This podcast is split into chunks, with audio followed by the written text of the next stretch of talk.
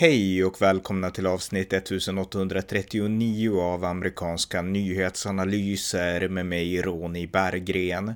En podcast som kan stödjas på swishnummer 070-30 28 95 0. Det här är del 3 i min serie om idén om att skapa en världsregering. I detta avsnitt ger jag en överblick över hur denna idé utvecklades under 1900-talet. Varmt välkomna! I mitt förra avsnitt i den här serien så beskrev jag hur idén om en världsregering har sett ut från antiken till upplysningen och hur den här idén om en världsregering i mångt och mycket hamnade i träda under 1800-talet.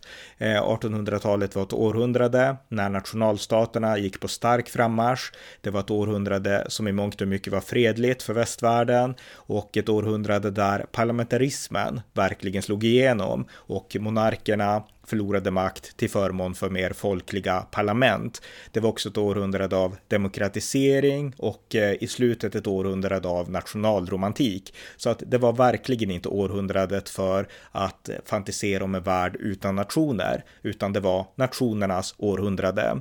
Men somliga saker skulle ändå växa fram under 1800-talet som sen skulle bära frukt under 1900-talet och eh, det var idéer då som var anti-nationalstater. Och den främsta av de idéerna, det var såklart marxismen, Karl Marx och Friedrich Engels idéer om att eh, Arbetarna i alla länder måste förena sig, som det står i det kommunistiska manifestet, och gemensamt störta den globala borgarklassen och eh, den tyranniska borgarklassen då som ägde produktionsmedlen och förtryckte arbetarklassen, den skulle störtas. Och eh, enligt de marxistiska teorierna så var nationalstaterna bara en konsekvens av borgarsamhället. Så att i samband med att borgarsamhället störtades så skulle även nationalstaterna avskaffas. Det var idén som fanns i marxismen och de här idéerna skulle ju såklart sen utvecklas av Lenin och av andra marxistiska tänkare och vi återkommer till Sovjetunionen om en stund. Men de idéerna föddes ändå under 1800-talet och eh, även andra idéer föddes under 1800-talet. På 1800-talet så lanserade Charles Darwin evolutionsläran och utifrån den idén så kom också idén om eh, socialdarwinism, alltså tanken på att det är den starke som överlever, för så ser utvecklingen ut. Och eh, under 1800-talet så kom också Friedrich Nietzsches filosofi om övermänniskan in och eh, slutet av 1800-talet, det var ju alltså ett, ett ett slut av ett århundrade med mycket nationalromantik där man sökte rötterna till nationerna i den framförallt europeiska urhistorien och sen inkorporerades det i nationalberättelsen för en rad olika nationer som ville mejsla ut sin egen identitet för att bryta sig loss från olika historiska imperiemakter. Och det här skedde ju även i nationalstater som sen själva blev imperiemakter. Och eh, i två fall, eh, i fascismen och i nationalsocialismen med nazismen, då inkorporerade man socialdarwinism med Nietzsches idé om en övermänniska och eh, man kom att skapa ideologier, nationella Eh, överhetsideologier som ansåg då att det var den starkes rätt att utbreda sin egen nationskultur och på så vis bygga imperier. Och eh, det bar ju frukt under 1900-talet. Så att eh, 1800-talet, men även början av 1900-talet, det var verkligen nationernas århundrade. Men det fanns ändå fler Eh, alltså tankarna på, på en värld utan nationer fanns ändå, även om den, de idéerna höll sig i bakgrunden. Men till exempel H.G. Wells, den här författaren, han hade idén om att skapa en värld utan nationer. Eh, prästen, jesuitprästen Pierre Tillard de Chardin, han hade också samma eh, idé om att skapa en värld utan nationer. Men det här var ändå enskilda röster i en värld där all realpolitik kretsade kring nationen. Och eh, det som skulle börja eh, väcka idén om eh, eh, alltså en värld där nationerna ändå är begränsade och där det finns någonting över nationerna. Det var första världskriget. Första världskriget utbröt 1914. Det var ett fruktansvärt krig med skyttegravar och eh, de flesta har sett filmer och läst på västfronten inte ett nytt kanske och eh, känner till första världskriget som var ett blodigt och fruktansvärt krig eh, och eh, det största kriget dittills i mänsklighetens historia. Och efter det kriget som avslutades med Versaillesfreden 1919 då uppkom idén om att vi vill inte att det här ska hända någonsin igen och Idén uppstod och eh, det fanns redan med i Versaillesfördraget om att skapa Nationernas förbund, The League of Nations, alltså en organisation över nationerna som skulle kunna motverka krig genom att förespråka internationell diplomati och eh, stoppa krig och göra krig illegalt eh, ungefär. Och eh, Nationernas förbund förespråkades bland annat av USAs president, demokraten Woodrow Wilson. Han hade ju gått med, alltså låtit USA gå med i första världskriget utifrån tanken på att Europa är nästan ociviliserat. Europa lever kvar i imperieidén medan eh, USA har utvecklats under mer än ett århundrade sedan revolutionen 1776 till en eh, demokratisk nationalstat.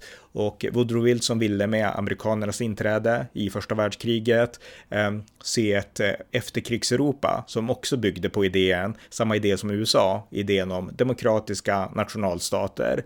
Det blev inte så, men det var det som var motiveringen till Wilsons amerikanska engagemang i Europa. Och han trodde också på idén då om att skapa Nationernas förbund, men det fanns amerikaner som var emot eh, Nationernas förbund och eh, den främsta av dem, det var den republikanske senatorn Henry Cabot Lodge som var emot eh, Versaillesfreden och eh, som såg till att USA inte skrev under Versaillesfreden. Så att USA skrev aldrig under något globalt fredsavtal med Tyskland efter första världskriget, utan man drev separata förhandlingar. Och det berodde på att eh, League of Nations, Förenta Nationerna, hade överstatliga klausuler enligt den här republikanska kritikern som krävde att eh, eh alla nationer, även USA, skulle kunna tvångsinkalla eh, soldater för att tjänstgöra åt League of Nations och att League of Nations skulle ha rätt att eh, fatta beslut över USAs huvud. Och i mitt förra avsnitt så nämnde jag ju Thomas Jefferson och hans motstånd mot överstatlighet och det här är ju en ådra som finns i hela den amerikanska historien att ingen ska liksom stå över oss, don't tread on me. Och eh, den här republikanska senatorn, Henry Cabot Lodge, han ansåg att det här är fel och vi kan aldrig skriva under någonting som sätter en överstatlig organisation över den amerikanska kongressens makt över USAs egna intressen. Så att eh, Henry Cabot Lodge och andra punkterade USAs eh, ratificering av såväl Versaillesfreden som av League of Nations. Så att USA gick aldrig med i League of Nations på grund av det liksom eh, nationella patriotiska amerikanska motståndet mot överstatlighet. Men League of Nations, alltså Nationernas förbund på svenska, skapades likväl. Eh, det gjordes en del eh, effektiva insatser. Jag tror att Nationernas förbund var centrala i förhandlingen om Åland, alltså om Åland skulle tillhöra Sverige eller Finland och en del andra saker gjordes också. Men i mångt och mycket så blev Nationernas förbund tandlöst och eh, det skulle såklart konkretiseras mest av allt med andra världskriget. Man hade ju alltså skapat Nationernas förbund för att förhindra krig. Sen kom andra världskriget och man insåg att det här har inte fungerat alls. Men innan vi kommer till andra världskriget så hände det också en annan sak i samband med första världskriget. Nationernas förbund, det blev ett västligt svar på konsekvenserna av första världskriget. Men parallellt till första världskriget och även efter första världskriget så skedde ju också en annan sak i Ryssland. Det var den ryska revolutionen när till slut kommunisterna tog över makten. Tsaren hade störtats och kommunisterna tog över och utropade en arbetarrepublik som då hade idén i sig om att skapa en global, ett globalt klasslöst samhälle, proletariatets diktatur och i teorin då proletariatets världsdiktatur som man drömde om. Så att den idén föddes också. Och eh, Sovjetunionen baserades ju, som jag var inne på tidigare, på marxismen och eh, de idéer som fanns där om just det klasslösa samhället. Eh, Lenin, han ledde ju revolutionen och tog över och han hade också de här idéerna. Men i praktiken så var det ju så att den här revolutionen, den marxistiska arbetarrevolutionen, den fanns där och då primärt bara i Ryssland. Den lyckades inte sprida sig i Europa därför att i Europa var det inte lika stor fattigdom. Arbetarna hade det relativt bra och man lockades inte på samma sätt av det här marxistiska budskapet. Det var inte lika lätt att manipulera massorna i Europa som det var i Ryssland. Så att i praktiken så var det ju i nationen Ryssland som den här eh, världskommunistiska revolutionen ägde rum. Så att det innebar att Sovjetunionen var eh, präglat fortfarande av gränser. Det var inte en gränslös revolution utan det var en väldigt specifik revolution inom Rysslands gränser kan man säga. Och det här var ju en realpolitik som inte gick att eh, undgå att ta i akt. Och eh, när Lenin hade dött 1923, då kom ju Stalin att ta över och Stalin, han trodde absolut på idén om en revolution och om att eh, Marx idéer var sanna och eh, drömmen om en världsrevolution och så. Men han var också realpolitiker och insåg att den makt jag har, den är här i Ryssland. Så att han fokuserade på att bygga ett arbetarsamhälle specifikt i Ryssland, i Sovjetunionen då, Stalin. Eh, Trotsky, så var hans ideologiska Eh, konkurrent eh, och även en konkurrent om makten efter Lenins död.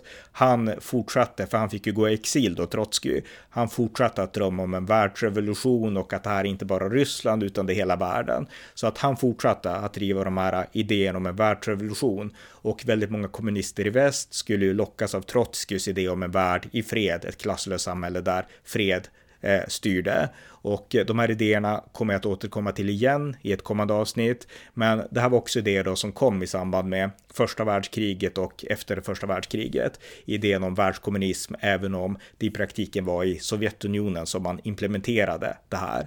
Men eh, det var ändå en idé som uppkom efter första världskriget. Nu går vi vidare och pratar lite grann om andra världskriget och vilka konsekvenser det fick för idén om en värld utan nationer. Andra världskriget, det utbröt i september 1939 när Hitler invaderade Polen och det pågick tills 1945. Och eh, vi behöver inte gå in i detalj på kriget här, men övergripande så var det här mänsklighetens mest fruktansvärda krig någonsin. Över 80 miljoner människor, de flesta civila dog, förintelsen ägde rum där uppemot 6 miljoner judar förintades av Nazityskland och eh, det var ett fruktansvärt krig som omfattade större delen av världen. Sverige var ett av få undantag här i Europa så att större delen av världen drogs på ett eller annat sätt in i andra världskriget.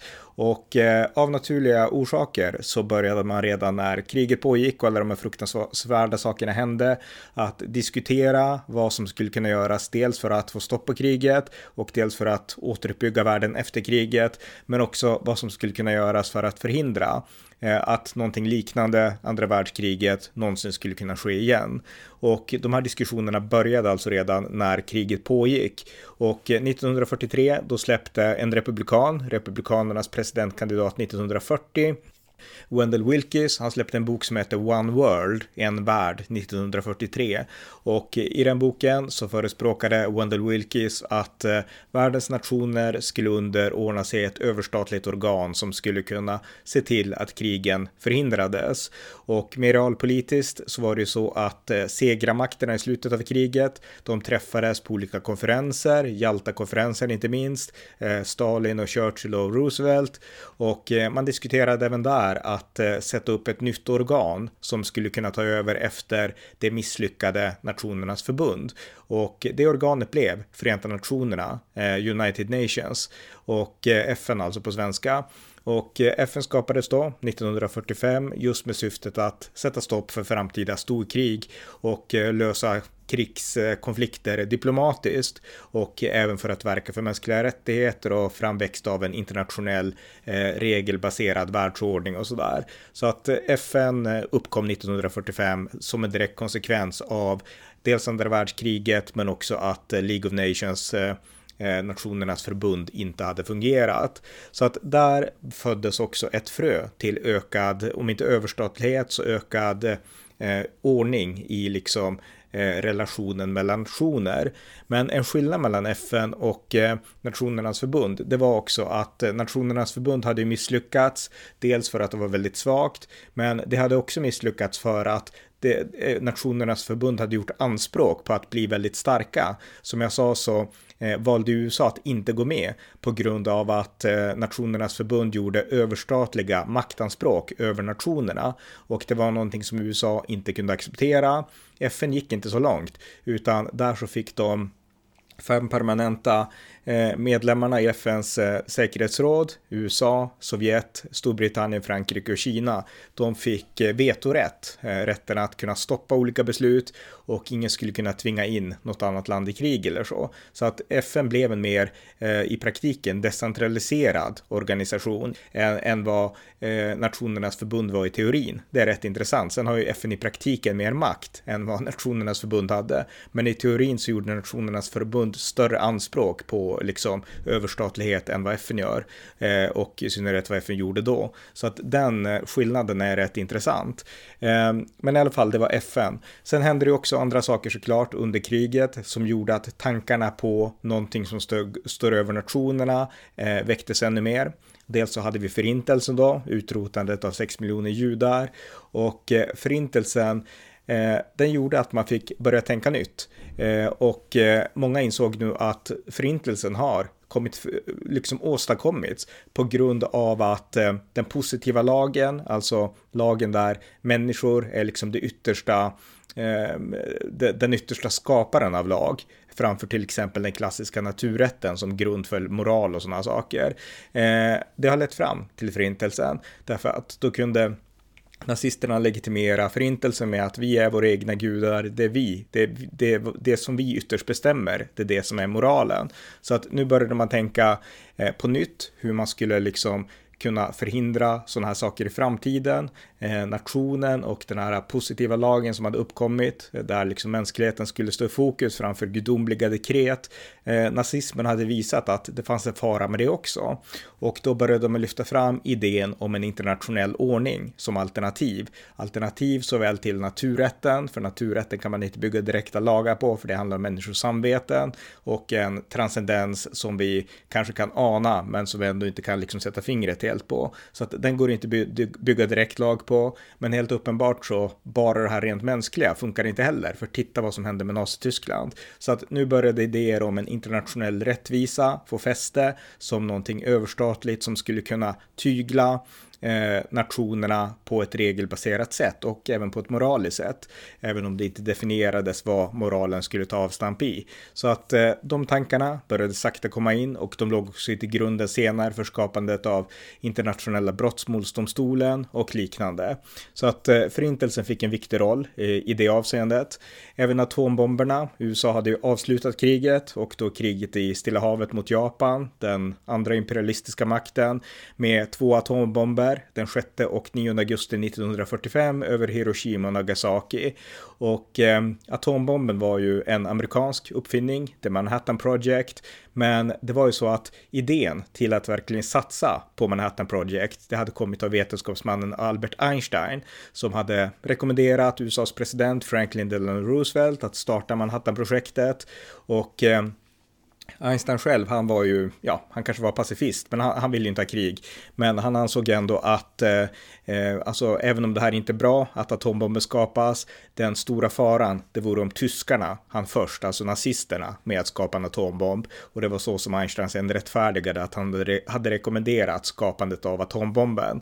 Men Einstein såg ändå många problem med det här och efter kriget så ville Einstein att eh, det skulle skapas en Eh, ja, en form av världsregering för att lösa konflikterna eh, på juridisk väg mellan nationer och han ville också se kontroll då över, alltså faran med, med kärnvapen. Och Einstein var också en federalist och han hade haft de tankarna redan innan kriget. Men atombomberna gjorde att det här stärkte hans eh, hans övertygelse om att det behövde någon, for, någon form av världsstyre, en världsregering. Så Einstein, han var också inne på, på den idén.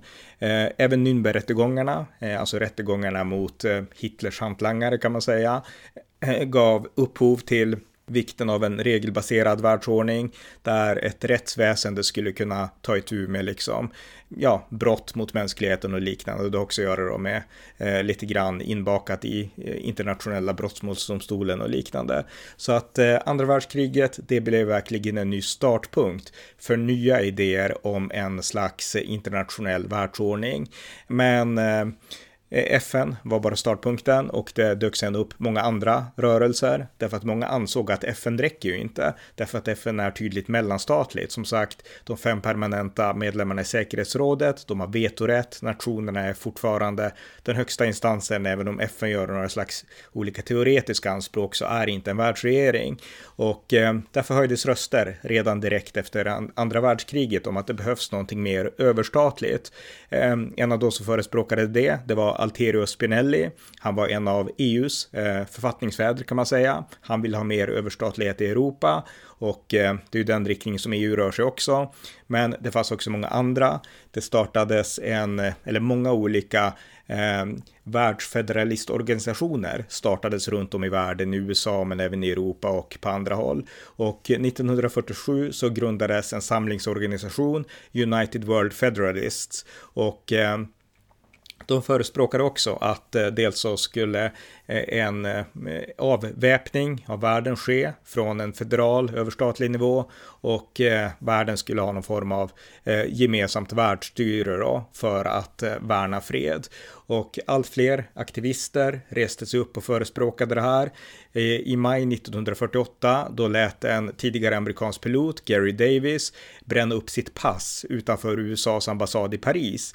Och han tog inte bara avstånd från USA genom att göra det, utan han förklarade att han tog avstånd från alla statsbildningar och presenterade sig själv som den första världsmedborgaren. Så att eh, den amerikanske piloten Gary Davis, han blev enligt egen utsago den första världsmedborgaren. Och eh, han ville då att eh, det skulle skapas en världsregering som skulle kunna stoppa krig. Och många andra, som författaren Albert Calmus, slöt upp bakom den här idén och eh, det uppstod en hype kring liksom idén om att skapa någonting starkare än FN, någonting mer överstatligt. Men återigen så skulle realpolitiken göra att det här var mest idéer på ett idéplan, därför att efter andra världskriget så uppstod ett nytt krig. Det var inte ett hett krig, men det var ett kallt krig och det var mellan de två ytterst nationalbaserade ideologiska motståndarna, USA, Förenta Staterna och Ryssland, Sovjetunionen. Och de hade två olika ideologier som båda gjorde i viss mån globala anspråk och eh, de utkämpade ett kallt krig i, ja, vad blir det, mer än 40 år, nästan 50 år. Eh, och eh, under den tiden så var det så att då eh, existerade ju i praktiken inte alls någon form av världsstyre utan världen var uppdelad i två två halvor, den östliga och den västra. Eh, och eh, USA, Sovjetunionen och eh, respektive allierade på båda sidor. Så under kalla kriget, då hamnade återigen den här idén om en världsregering i träda på samma sätt som den hade gjort under stora delar av 1800-talet. Men den här gången på grund av kalla kriget. Ehm, det betydde inte att eh, FN inte växte och inte expanderade. Det gjorde FN. Man byggde ut eh, egentligen allt eh, inom FN-systemet. Men det som dominerade storpolitiken, det var fortfarande kalla kriget med två ideologiska nationella opponenter, USA och Sovjetunionen. Och det var först i samband med murens fall 1989 och Sovjetunionens upplösning och kalla krigets slut som idéerna om en världsregering eller en värld organiserad kring ett enda enhetligt system skulle få eh, liv på nytt och eh, återigen börja liksom etablera sig i Eh, den allmänna diskussionen kring hur världen skulle styras upp. Och eh, det kom igång på allvar på 1990-talet. Och eh, det ska jag komma in mer på i näst, nästa avsnitt. För i nästa avsnitt så ska jag diskutera Eh, vilka som motsatte sig och vilka som gjorde en stor sak av att de här eh, krafterna som vill se en enad värld existerade. För ett motstånd mot de här idéerna började också växa fram och det ska vi börja utforska i nästa avsnitt. Så att det här var berättelsen om hur idén om en världsregering eh, växte till under 1900-talet eh, på grund av världskrigen eh, och eh, Eh, även trots världskrigen och trots eh, nationalismen och trots kalla kriget så eh, växte den här idén om drömmen om en ena värld fortfarande fram. Så att det var det här avsnittet och i nästa avsnitt så ska vi diskutera lite grann vilka som var motståndare till den här drömmen om en världsregering. Tack för att ni har lyssnat på amerikanska nyhetsanalyser, en podcast som kan stödjas på swishnummer 070-30 28 95 0 eller via hemsidan på Paypal, Patreon eller bankkonto. Skänk också gärna en gåva till valfri Ukraina-hjälp. Allt gott tills nästa gång.